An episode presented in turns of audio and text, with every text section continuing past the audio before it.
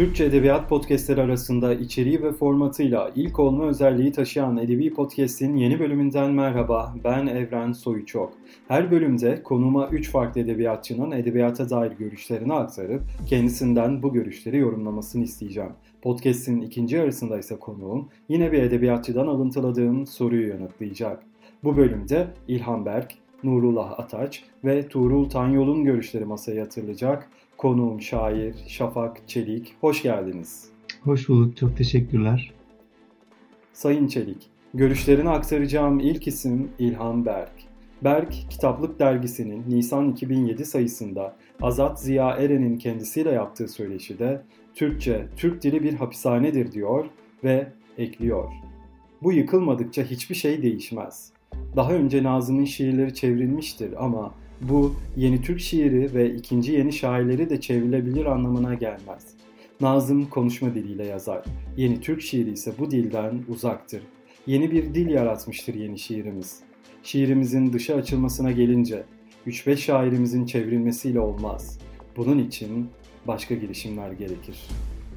Şimdi bu konu sanki çeviri şiirle ilgili gibi görünüyor ama ben böyle olmadığını düşünüyorum. Yani sadece çevrilebilirlikle ilgili olmadığını düşünüyorum. Çünkü buradaki ifadede Türkçe, Türk dili bir hapishanedir ifadesi var. Bu bence çok çarpıcı. İkinci yeninin getirdiği en büyük yenilik bildiğiniz gibi işte şiir dilinin değişmesi olmuştur muhakkak. Peki Türkçe yazmıyorlar mı? Elbette Türkçe yazdılar ama bu sadece Türkçe değil. Şimdi biz Türkçe deyince neye gidiyoruz? Aklımız hemen işte Yunus Emre'lere gidiyor. Karagöz dergisinde de bu konuda bir şey vardı. Söyleşi İsmet Özel'le yapılan bir röportaj vardı. Ona diyorlar ki Yunus Emre neden Türkçenin ve Türk milletinin kökünde diye bir soru yöneltiliyor. O da İsmet Bey de yani Yunus Emre'den şunu söylüyor önce. Nerduvan'dan iterler yüksekten bakarsa diyor. Buradan da bir bağlantı kuruyor. Yani merdivenden iterler yüksekten bakarı. Kendini yüksekte göreni oradan indirirler gibi bir anlam ifade ediyor. Şimdi buradan şunu şuna varıyor İsmet Bey diyor ki kelimeyle insan olarak yeryüzünde bulunmanın anlamını aksettiren, mana veren bir dil çıkarttı diyor Yunus Emre. Yani kelimeyle onu toplana, kullanan toplumun ona yüklediği anlama yani aradığında kurduğu ilişkiye dikkat çekiyor. Yani orada e, artık merdiven günümüzde merdiven diyoruz ama o zaman nerduban diye yazmış Yunus. Yani o merdivenle yüksekte görmek, kendini yüksekte görmek arasında bir ahlaki ilişkiden bahsediyor. Eğer kendini yüksekte göreni, kendini ahlak açısından zayıf olanı e, toplumun bir şekilde indireceğinden bahsediyor. Dolayısıyla da bu toplumun aslında onu oluşturan bir özünden bahsedebiliriz. Dille kurduğu ilişki açısından. Yani bu bizi aslında şiirin yazılış amacına da götürüyor. Demek ki ikinci yeni de İlhan Berk özelinden bakarsak bu çünkü bu ifadesinden dolayı yola çıktık. Sadece burada çevrilmekten bahsetmiyoruz. Sadece bir e, işte görünürlükten bir işte dışa açılmaktan, tüm dünyaya bir şey söyleyebilmekten bahsetmiyoruz. O kelimelerle arasında kurdukları ilişkinin bir değeri var. Bundan bahsediyoruz. İkinci yeniye dair Osman Özbahçe'nin çok e, enteresan bence bir tespiti var. Garip akımı şairleri ne e, şairleri dil devriminden temelde etkilenmiyorlar. Yani dil devriminin öncesinde eğitim aldıkları için onlar aslında eski alfabeyle ve eski eski demeyelim de işte Osmanlı Türkçesiyle e, konuşuyorlardı ve yazıyorlardı. Sonrasında tabii ki 1940'larda 50'lerde onlar da artık Latin alfabesiyle işte günümüz kelimeleriyle yazar oldular. Fakat ikinci yeni şairlerinin şöyle bir durum var. Onlar yeni alfabeyle öğrenim gören ilk şairler. Şimdi bu tespiti Osman Özbahçe'den aldım. Buradan nereye varacağız o zaman? Yani yeni alfabe dilde sadeleşme, arı dil, saf dil gibi birçok şeyle Arapça ve Farsça kökenli kelimelerden ayıklanıyor o günde. Bir anlamda bir budama var. Hatta böyle bir anlama bakarsak eğer Yunus'un eşyayla anlam arasındaki ilişkisinden bahsettim. Onu farklı bir yönüyle kurmaya başlıyorlar. Burada da işte ikinci yeninin 1950'lerden itibaren o Türkiye'de yaşanan işte sanayileşme, köy kasaba yaşantısından büyük şehire gelme, bu geçişin işte getirdiği sıkıntılar, zorluklar ya da işte etkiler diyelim. Bunlarla birlikte yaşıyor ve artık onlar ikinci yeni şairleri için söylüyorum kelimelerle farklı bir ilişki kuruyorlar. Anlam, kelime anlam ilişkisinden bahsediyorum. Bunu hem bozuyorlar hem de kültürel anlamda başka bir yöne taşıyorlar. Artık bu dönemde hatta birçok da uydurulan kelime var. Uydurulan kelimelerle, kavramlarla, olgulara karşılık gelen yeni kelimelerle düşünmeye başlıyorlar. Ve bu da tabii bir anlamda kayma, işte yeni anlamlar yükleme, anlamların dışında yeni bir şeye ulaşmaya götürüyor. Ve bunların neticesinde oluşan yeni kültür, yeni insan, yeni toplum artık doğulu değil, batılı da değil. Hatta köksüz gibi bir noktaya geliyor. Peki oluşan şiir o zaman nasıl bir şiir? Yani dille birlikte oluşuyor. O da aslında ne doğulu ne batılı. Hatta e, yani onun işte oluşan o şiirin işaret ettiği, o temsil ettiği değerler bakımından bakarsak da Sezai Karakoç ben ikinci yeniden değilim diyor. Artık o kelimeyle anlam arasında o kendince kurduğu anlamı öne çıkartıyor. Bu noktadan bakınca sanki yani İlhan Berk'in burada işte Türkçe dili, Türk dili bir hapishanedir ifadesi bende buna karşılık geliyor. O yüzden hani çevrilmek, batıya duyurulmak, açılmak bir anlamda çok da bir şey ifade etmiyor. Nurullah Ataç'ın dergilerde yayımlanan, daha sonra Yapı Kredi Yayınları tarafından dergilerde ismiyle bir araya toplanan denemelerinde yer alan Eylül 1955 tarihli görüşlerini aktarıyorum. Hepimiz ister istemez, bilsek de bilmesek de toplum için çalışırız.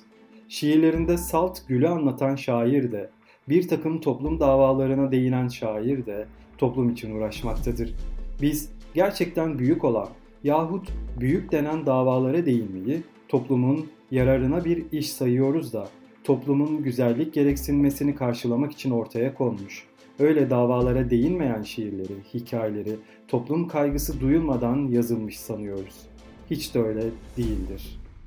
Ataç'ın da dil konusundaki fikirlerini aslında biliyoruz. O da işte eskiyle olan mutlak bir kopuştan yana. Onun da işaret ettiği şey bence oluşturulan yeni kültür, yeni insan, işte yeni yaşam anlayışının mümkünlüğü. Yani az önce işte İlhan Berk'le ilgili söylediğim şey aslında bir anlamda tekrar ona geliyor. Ya bir yazısında Nurullah Ataç'ın şöyle bir ifade var. Latince, Yunanca öğretilmeyen bir ülkede tek doğru yolun, tek usul yani akla uygunluk anlamında yolun öz dile gitmek olduğunu düşüncemle anladım da onun için o yolu buldum diyor. Yani ne demek istiyor? Latince ya da Yunanca da öğretmiyorsak o zaman bu toplumda bir yere varamayacağız. Demek ki diyor biz dilimizi sadeleştirmeliyiz. Neyle sadeleştirecek? İşte o Arapça ya da Farsçadan gelen onun için gelişmemişliği, eskiyi ya da işte neyi temsil ediyorsa onlardan kopmak, kopuştan bahsediyor. Dolayısıyla da onun için aslında Yunanca, Latince öğrenmeden bir gelişim, bir modernizm, bir medeniyet, bir işte seviye e, mümkün değil. Bu sebeple zaten bu kadar öz Türkçe veya Türkçeleştir yani sadeleştirme arı dil konusuna çalışıyor. Aslında onun da oluşturmak istediği o kültürde, toplumda, yeni insanda diyelim böyle bir yön var. Bunu da nasıl yapıyor? Ee, işte o Arapça, Farsça kelimelerden uzaklaşarak yeni anlamlarla kelimeyle anlam arasında ki o bağı bozarak yeniden istediği yönde, kendi inandığı yönde bir şey oluşturmak derdinde ve Atatürk'ün bu yönünü aklımızdan çıkartmıyoruz. Bu alıntıda bahsettiği toplum için çalışmak nasıl anlaşılmalı o zaman? Yani şairin az önce işte söyledik ya şiirlerinde salt gülü anlatan şair de bir takım toplum davalarına değinen şair de toplum için uğraşmaktadır diyor. Gülle anlam arasında, kelimeyle anlam arasında bir bağlantıdan bahsediyor. İlgisiz gibi görünen eserlerde bile toplumsal bir yan bulunabilir diyor. Bu Türk şiirindeki modernleşmeyi aslında bir anlamda en etkili şekilde anlam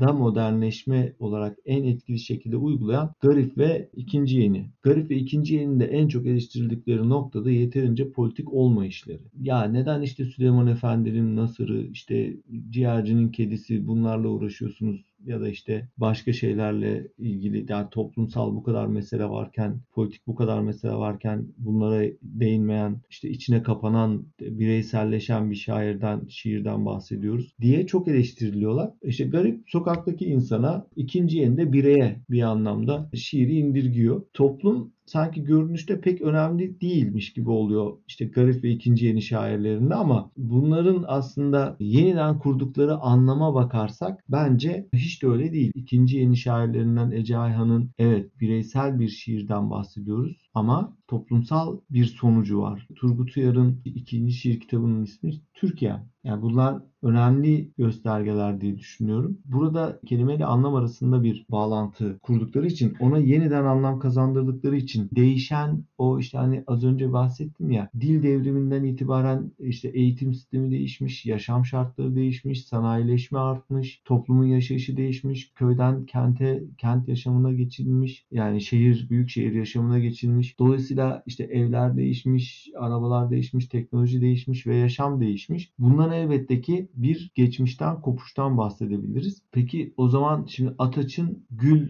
kelimesine gelelim. Burada o ikinci yeni şairlerinin işte mesela Cemal Süreyya'nın Gül şiirini düşünelim işte ya da diğer Garip Akım ya da ikinci yeni akımdaki diğer şairlerin kelimelerle olan kurdukları o anlam ilişkisine yönelelim. Bu sefer şunu görüyoruz. Basit bir imge değil yani Gül. Onu yeniden anlamlandırmaya çalışıyorlar. Eski anlamından da kopartmaya çalışıyorlar. Divan edebiyatında Gül'ün birçok anlamının yanında sevgili, sevgilinin teni ya da aşk gibi e, şeylerin yanında en çok pek Peygamber Efendimiz'i temsil etmesi önemli bir nokta. E, yüzlerce yıllık bir birikimi, işte anlam zenginliğini bir anlamda geride bırakıyor. Yani o divan şiirinden koparak. Peki neye geçiliyor? İşte ikinci yeni de gül neye karşılık geliyor? Bu sefer şöyle bir anlama geliyor. Kadının mesela kadın cinselliği ya da aşkın sadece aşkı değil de artık tensel bir ilişkiye işaret ediyor. Bu sefer bunda sanki yani politik bir yön yokmuş gibi anlaşılıyor ama yani ne olacak? Olacak şimdi? Gül peygamber efendimizi işaret etmiyor orada. Kadın cinselliğini işaret ediyorsa buradan nasıl bir politik sonuç çıkarabilirsin diyebilirsiniz. Ama burada artık toplumdaki bazı kilit değerlerin de değiştiğini görmemiz gerekir diye düşünüyorum. Yani işte daha özgür, daha modern,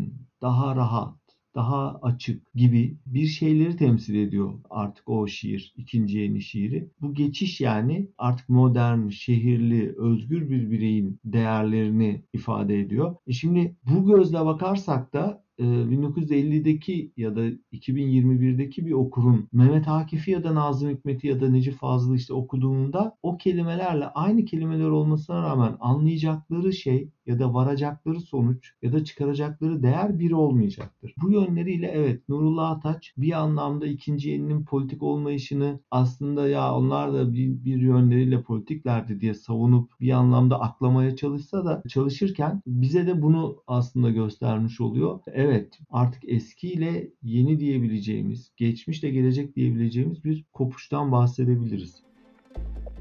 Baki Ayhan'ın Kitaplık Dergisi'nin Ocak 2007 tarihli sayısı için kendisiyle söyleşi yaptığı Tuğrul Tanyol, Nazım Hikmet'in Türk şiiri üzerinde hiçbir etkisi olmadığına, hiç kimsenin Necip Fazıl Kısakürek'ten derinlemesine etkilenmediğine dair görüşünü şu sözlerle dile getiriyor. Garipten itibaren Türk şiirinin belli ölçüde akmakta olduğu yatağından saptırıldığını düşünüyordum. Belki de modern şiiri oluşturan bazı ana kaynakların boş geçildiğini düşünüyordum. Yani bakmayın Türk şiirinde çok fazla Nazım'ın adının geçtiğine. Nazım'ın hiç etkisi olmamıştır. Nazım 60'lara kadar okunmadı. El altından okundu. İşte 40 kuşağı etkilendiğini söylüyor ama 40 kuşağı da çok etkin bir şiir yazmadı zaten. O yıllara garip şiiri daha çok hakimdi. Nazım gibi Necip Fazıl'ın da adı söylenir. Bunlar hep bayrak gibi belli çevrelerde dalgalandırılan isimlerdir ama hiç kimse onları derinlemesine okumadı. Onlardan etkilenmedi şöyle düşünüyorum e, etki konusunda. iki yönlü oluyor. Yani bir şaire bir de şairden. Şaire doğru ya da şairden okuruna doğru olan bir etkiden bahsedebiliriz. Şiirin üç ayağı olduğunu düşünüyorum. İşte bir tarih, bir felsefe ya da inanç kim neyi seçerse bir de estetik ayağı var. Şimdi şair kendi içerisinde bir tarihi felsefesi ya ben buna inancı da katıyorum ama artık felsefe diyeyim çünkü çok karışacak. Felsefesi ve kendi estetiğini ne ölçüde şiire taşıyacağına kendisi karar veriyor. Yani kişisel bir tarihi var. Bir de evet dışında olan yani kendi yaşadığı yaşamı boyunca olan bir sürü olaylar, geçişler var. Bir de toplumun yaşadığı, yani toplumun derken çevresinin akmakta olan bir tarihi var. Şimdi bütün bunları birleştirince onu etkileyen aynı zamanda hem bireysel olarak yaşadığı tarihteki bir olaylar hem de çevresinde akıp giden olaylar. Şimdi burada hem dışarıdan gelen etkiden bahsediyorum. Bu onun felsefi yani fikri anlayışını da değiştiriyor, etkiliyor. Ee, bununla ne kadarını şiirine aktaracak, ne kadarını aktarmayacak bu onun tasarrufunda. Tarihten yani o akıp giden o olaylardan aldığı düşüncelerle, fikirlerle bir yapı kuruyor kendince. E tabi bunu okumalarıyla da besliyor ya da azaltıyor. Artık bir yöne doğru çekiyor ve bir yere vardırıyor. Şimdi bu, bunları bir yere taşıdıktan sonrasında artık bunu eserine aktarmaya başlıyor. Burada da işte bir kendince inan, inanç ya da bir felsefe sistemi oluşturduğu o, o fikri şiirde eserinde veriyor. Peki bireysel tarihinin bir de toplumsal tarihle olan bir kesişmesi var. Bu kesişmeyle ne kadarını işte eserine taşıyacak, ne kadarını taşımayacak bu onun tercihi. Peki sonuç ne oluyor? Ben şöyle görüyorum. Bireysel ya da toplumsal diye ayırabileceğimiz iki yön ortaya çıkıyor. İşte bunlardan hangisinin estetik değere taşınıp esere yansıyacağını işte şairin kendi tercihine bırakıyorum. Yani ben öyle olduğuna inanıyorum daha doğrusu. Gelişen tabii o şeylerden aldığı bir etki de var. Fakat yani sonuç şuna geliyor. Nasıl diyelim? Necip Fazıl ve Nazım Hikmet'in şiirlerinin estetik etkisinin dışında bir de fikir ve tavırlarıyla asıl yaptıkları etki ortada. Yani onlardan sonrasında da. Şimdi şunları düşünebiliriz. Dava, dert, işte çile, gurbet, vatan. Mesela bu kelimeler artık sadece kelime olarak algılayamayız yani bu şairlerin şiirinde, Nazım ya da Necip Fazıl'ın şiirinde. Şu estetik olarak bir etkiden bahsediyor aslında Tuğrul Bey. Türk şiirinde modernleşmeyi ben iki yönden düşünüyorum. Şekil ve içerik olarak görüyorum. Şimdi şekil yani garip akımına kadar sanki içerik yönünden pek de böyle büyük bir kopuşun yani burada modernizmi kopuş olarak yani kelime anlamı olarak söylüyorum. Geçmişten kopuş ya da geride kalandan kopuş olarak algılıyorum. Pek bir kopuş yani görünmüyor aslında garip akımına kadar. İçerikte de böyle divan edebiyatından aldıkları o imgeler, imajlar aslında onlarla gene devam edilen bir şiirden bahsediyoruz. Şekil değişikliği ise mesela bir dönem devlet seçimi diyebileceğimiz bir seçim var. Mesela hece şiirini devlet bir milli şiir olarak görüyor bir dönem. işte beşeciler falan ortaya çıkıyor. Şimdi bu bir yere kadar geliyor. Şimdi bu bu dönemde dedik ya toplumda da akan bir tarih var ve bireysel olarak da şairlerin akan bir tarihi var. Necip Fazıl ve Necip Nazım Hikmet'in de kendi tarihleri akıyor. Onları da Nazım biliyoruz ki işte Rusya'ya gittikten sonrasında daha farklı gitmeden öncesinde daha farklı, gittikten sonra daha farklı şiirleri var. Şimdi onun o Mayakovski'den aldığı bir kalıp var. Şiir kalıbı var. Bunu uyguluyor. İşte Necip Fazılsa hani hem kendinden önceki işte o o da tabii işte heceyle ya da aruzla aruzdan aldığı bir güç var ama aynı zamanda da bir Fransız estetiği Fransız şiirinin bir estetik algılayışı var. Onu açıkçası kullanıyor. Fakat bizim gene de önümüze çıkan şey Necip Fazıl'da da Nazım Hikmet'te de aslında bu ikisi de değil. Bu şey değil. Şekil, estetik değer değil şiirlerinde. Daha çok dava, dert, mesele yani anlattıkları o işte bayrak yani Tuğrul Bey'in bayraklaştırıldılar dediği nokta bu işte bayrak olan fikirleri yani o toplumları kanalize ettikleri, yönlendirdikleri, yöneltebildikleri bu fikirler. Aslında bu yönleriyle Tuğrul Bey eleştiriyor ve bu yönlerden aslında Necip Fazıl ve Nazım Hikmet evet Türk şiirine, modern Türk şiirine sanki çok büyük bir katkıda bulunmamışlar gibi görülebilir. Şekil veya işte estetik değer anlamında. Ama işte dil ve işte anlam ifadesine bakarsak çok ciddi bir kazanımdan bahsedebiliriz. İşte tavır, şair tavrı, işte inanç, felsefe, fikir savunusu, bunların estetize edilmesi veya yaşamla eserin etkileri, birlikteliği bu yönleriyle bakarsak ben ikisinin de kendisinden sonra gelen birçok şairi etkilediklerini düşünüyorum. Biraz sanki haksızlık yapılıyor yani Tuğrul Bey'in bu açıklamasında sanki ikisine de biraz haksızlık var gibi. Şimdi sağlıklı estetik değer olarak bakarsak evet yüksek seviyede ama arkasından gelenlere sanki o yönde bir etki bırakmamış. Çünkü orijinal değil. Yani kaynakları belli işte. Nazım deyince Mayakovski diyoruz. Necip Fazıl deyince Baudelaire diyoruz ya da işte Verlaine diyoruz. Şimdi bunlara bakarsak evet doğru orijinal bir estetik ağırlık sanki vermiyorlarmış gibi. Ama içerik yönüyle bakarsak ya da tavır ya da şair yaşayışı buradan etkiledikleri çok şair var. Mesela Hasan Hüseyin Korkmazgil'e bakarsak Nazım'ın şiirinden şekil yönüyle mi yoksa içerik yönüyle mi benzeştirebiliriz? Sanki ayıramazmışız gibi gelir. Ama tabii ki onun şekil yönünü Nazım'dan aldığını söylemek gibi bir şey mümkün değil.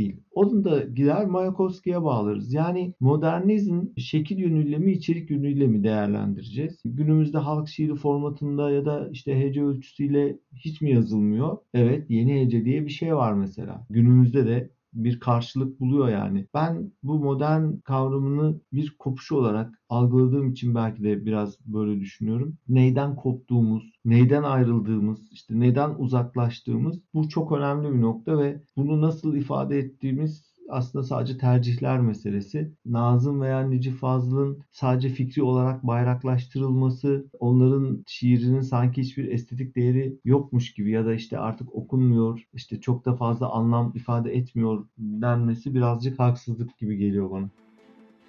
Sayın Çelik, sıralayacağım 3 isimden hangisinin sorusunu cevaplamak istersiniz? Enis Batur, Faruk Duman, İsmet Özel. Faruk Duman. Faruk Duman, Kitaplık Dergisi'nin Mayıs 2006 sayısı için kaleme aldığı Okuma Kazancı adlı denemesinde şairler üzerinden okura şu soruyu yöneltiyor. Ben okudukça daha az konuşur oldum. Farkındayım bunun. Bir yerde yazar şöyle bir şey söylüyordu. Şairler ilkel dile yaklaşmaya çalışırlar. Böyledir. Sözü azaltmaya çalışır şair ama başka türlü bir sessizlik değil midir onunki?'' Şimdi bu soruda benim dikkatimi çeken bir nokta var. O da işte az konuşmakla ilkel dil arasında bir bağlantı kuruyor. Sonrasında da bu bağlantıdan yola çıkarak yazar ve şairin dildeki kelime tasarrufuna bir atıf var ve bunu da bir tür sessizlik olarak kabul ediyor. Ben de aynı mantık silsilesi üzerinden aslında bu işte ilkel kavramı gibi, sessizlik kavramı gibi şeyleri açıklamak istiyorum. Aynı sonuca varıp varmayacağımıza böylece e, göreceğiz. İlkel dille kastedilen aslında ilk insanların dili anladığım kadarıyla. Çünkü biz Kur'an'dan biliyoruz ki orada şöyle bir şey var. Biz ona her şeyin ismini öğrettik diye buyurulmakta. Yani işte Hazreti Adem'e ilk insan olarak kabul edersek Hazreti Adem'e Allah zaten bütün eşyanın hakikatini e, işte bütün varlıkların isimlerini bildirerek ona bildiriyor. Yani öğretiyor. Bu neden önemli? Biz bir şeyin varlığını tanımlamak için ya da onu sınıflandırmak için ya da onu işte varsaymak için, kabul etmek için ya da tanıyabilmek için ona isimler veriyoruz. İşte Hazreti Adem ve onun devamındaki işte insanoğlu için her şey aslında zaten biliniyor. Yani dilde bir böyle ilkel bir dil deyince sanki böyle bir yani çok az kelimeyle konuşulan, e, hiçbir şeyin tanımlı olmadığı, işte isimlerinin belli olmadığı bir dilden bahsediliyormuş gibi oldu. Ben o yüzden buna yoğunlaşmak istedim. Şimdi Hazreti Adem'e dönecek olursak demek ki zaten her şeyin aslında tanımı, ismi, varlığı ve hakikati biliniyordu. Anlaşmak için de yani o işte insanların birbirleriyle anlaşması için de sanırım yani böyle az kelime kullanmak diye bir şey yok. Peki ilk insanı Hazreti Adem kabul etmezsek bu sefer nasıl olacak? Şimdi insanların yine iletişim için farklı yollar kullandıkları de tahmin ediliyor ya da e, o zaman için işte araştırmalardan yola çıkarak söylüyorum. O zamanın tehlikelerinden birbirinden kaçınmak için işte birbirlerini uyarmak için ya da işte en azından yaşadığı toplulukta birbirlerine bir şeyleri ifade edebilmek için mutlaka bir dilden ya da bir bir şeyden yararlanmaları gerekiyor. Buna da işte şunu görüyoruz. Yani mağara resimlerini mesela bugüne kadar geldikleri için biz hep şöyle düşündük. Yani insanlar, araştırmacılar diyelim sanatsal bir çaba ya da bir büyü işte o canlılarla tehlikelerle başa çıkmak için onların resimlerini yaparak işte onlara büyü yaptıklarını falan düşündük. Ya da işte böyle geleceğe mesaj vermek, işte varlıklarını ispat etmek, işte kendi yani burada bir insan yaşadı ve bu resmi çizdi gibi düşündük. Öyle anladık ama şimdi günümüzde de çok kabul gören bir başka bir görüş daha var. O da şu. Oyun için resim yaptıklarını söylüyor. Yani o çağın insanının dışarısı ve içerisi diye bir ayrımı var. Yani kadınlar ve çocuklar sanki içeride, erkekler dışarıda ve onlar avlanmakla, toplamakla meşguller ve dışarıda da pek çok tehlike var. Fakat geri geldiğinde onların da işte bunları ifade etmesi lazım. Anlatması lazım ki işte içeridekiler de büyüyüp dışarı çıkmaya başladıklarında bu tehlikelerle baş edebilsinler. Ona bunu işte eğitimin de en etkili yollarından birisi tabii o zaman böyle işte eğitimin etki yolu olarak düşünmüyorlardır muhtemelen öyle algılamıyorlardır ama oyun, oyunlaştırma aslında bir kavram olarak önlerine çıkıyor. Bilinçsiz de olsa bunu uyguluyorlar. Yani bunu uyguladıkları düşünülüyor. Yani o mağara resimleriyle aslında bir eğitim verildi ve oyunlaştırılarak onları böyle karikatürize ederek, şekilleri biraz küçülterek ya da işte belli sembolleri kullanarak onları isimlendirerek anlamlandırdıkları ve bir eğitim verdikleri böylece de işte o tehlikelerden koruduklarını düşünüyorlar. Peki az konuşmakla dilin o işte ilkel dilin bir bağlantısı var mıdır? Aslında bence yok. Yani okur, yazar ya da şair işte her kimse dili bilmezliğinden ondan bir tasarruf ederek az konuşmuşluğu yoktur. Ve aksine bildiği halde bilinçli bir tercihle aslında onu bozar, değiştirir. Hatta işte şair yazar için konuşuyorum. Onu değiştirir, geliştirir, çoğaltır ya da eksiltir ya da işte yeni yeni anlamlar yükler. İşte ikinci yeni dil devrimi, garip akımı, modernleşme birçok şey bu yeniden anlamlandırmayı aslında içinde getirdi. Bunun ilkel bir dile ulaşmak için bir çaba olarak ben değerlendirmiyorum. Böyle bir şey olduğunu düşünmüyorum yani. Olsa olsa işte yaşadığı çağdan kurtulmak için sadeleşmek, derinleşmek çabası olarak görüyorum. Yani şairin az konuşmasını aslında derinleşmeye çalışması olarak düşünüyorum. Bu noktada da işte okur olarak hani şairin sessizliği böyle başka bir türlü sessizlik olarak değerlendirebilir miyiz? Evet aslında o çağdan rahatsız olduğu yönleriyle yönlerden kurtulmak için bilinçli tercihle sessizleşen birisi ve okur da şairin bu sessizliğini azalmasını ya da tasarrufunu anladığı etkilendiği ya da buluştuğu ölçüde o şaire yaklaşıyor. O şairle bir olabiliyor. Ve böylece aralarında başka bir türlü yani diğer günlük dilden hariç bir dil ya da bir sessizlik dili ya da başka türlü bir dilin mümkünlüğü ortaya çıkıyor. Yani ben aslında doğrudan bir işte az konuşarak bir sessizlikle yeni bir dil oluşturmaktan ilkel bir dille yaklaşmaya çalışmayı anlamıyorum. Ama şairin evet sessizleşerek derinleştiğini ve yeni bir dil, yeni bir yaklaşım, birleşim alanı oluşturduğunu düşünüyorum. Edebiyata dair tartışmalı görüşlerin yaşayan edebiyatçılar tarafından tekrar ele alındığı edebi podcast burada sona erdi. Şafak Çelik'in biyografisine, eserleriyle ilgili bilgilere, bu bölümde alıntılanan görüşlerin kaynaklarına podcast'in açıklama kısmından ve edebi.blog'dan ulaşabilirsiniz. İki haftada bir yayınlanan Edebi Podcast'in yeni bölümlerinde görüşmek dileğiyle.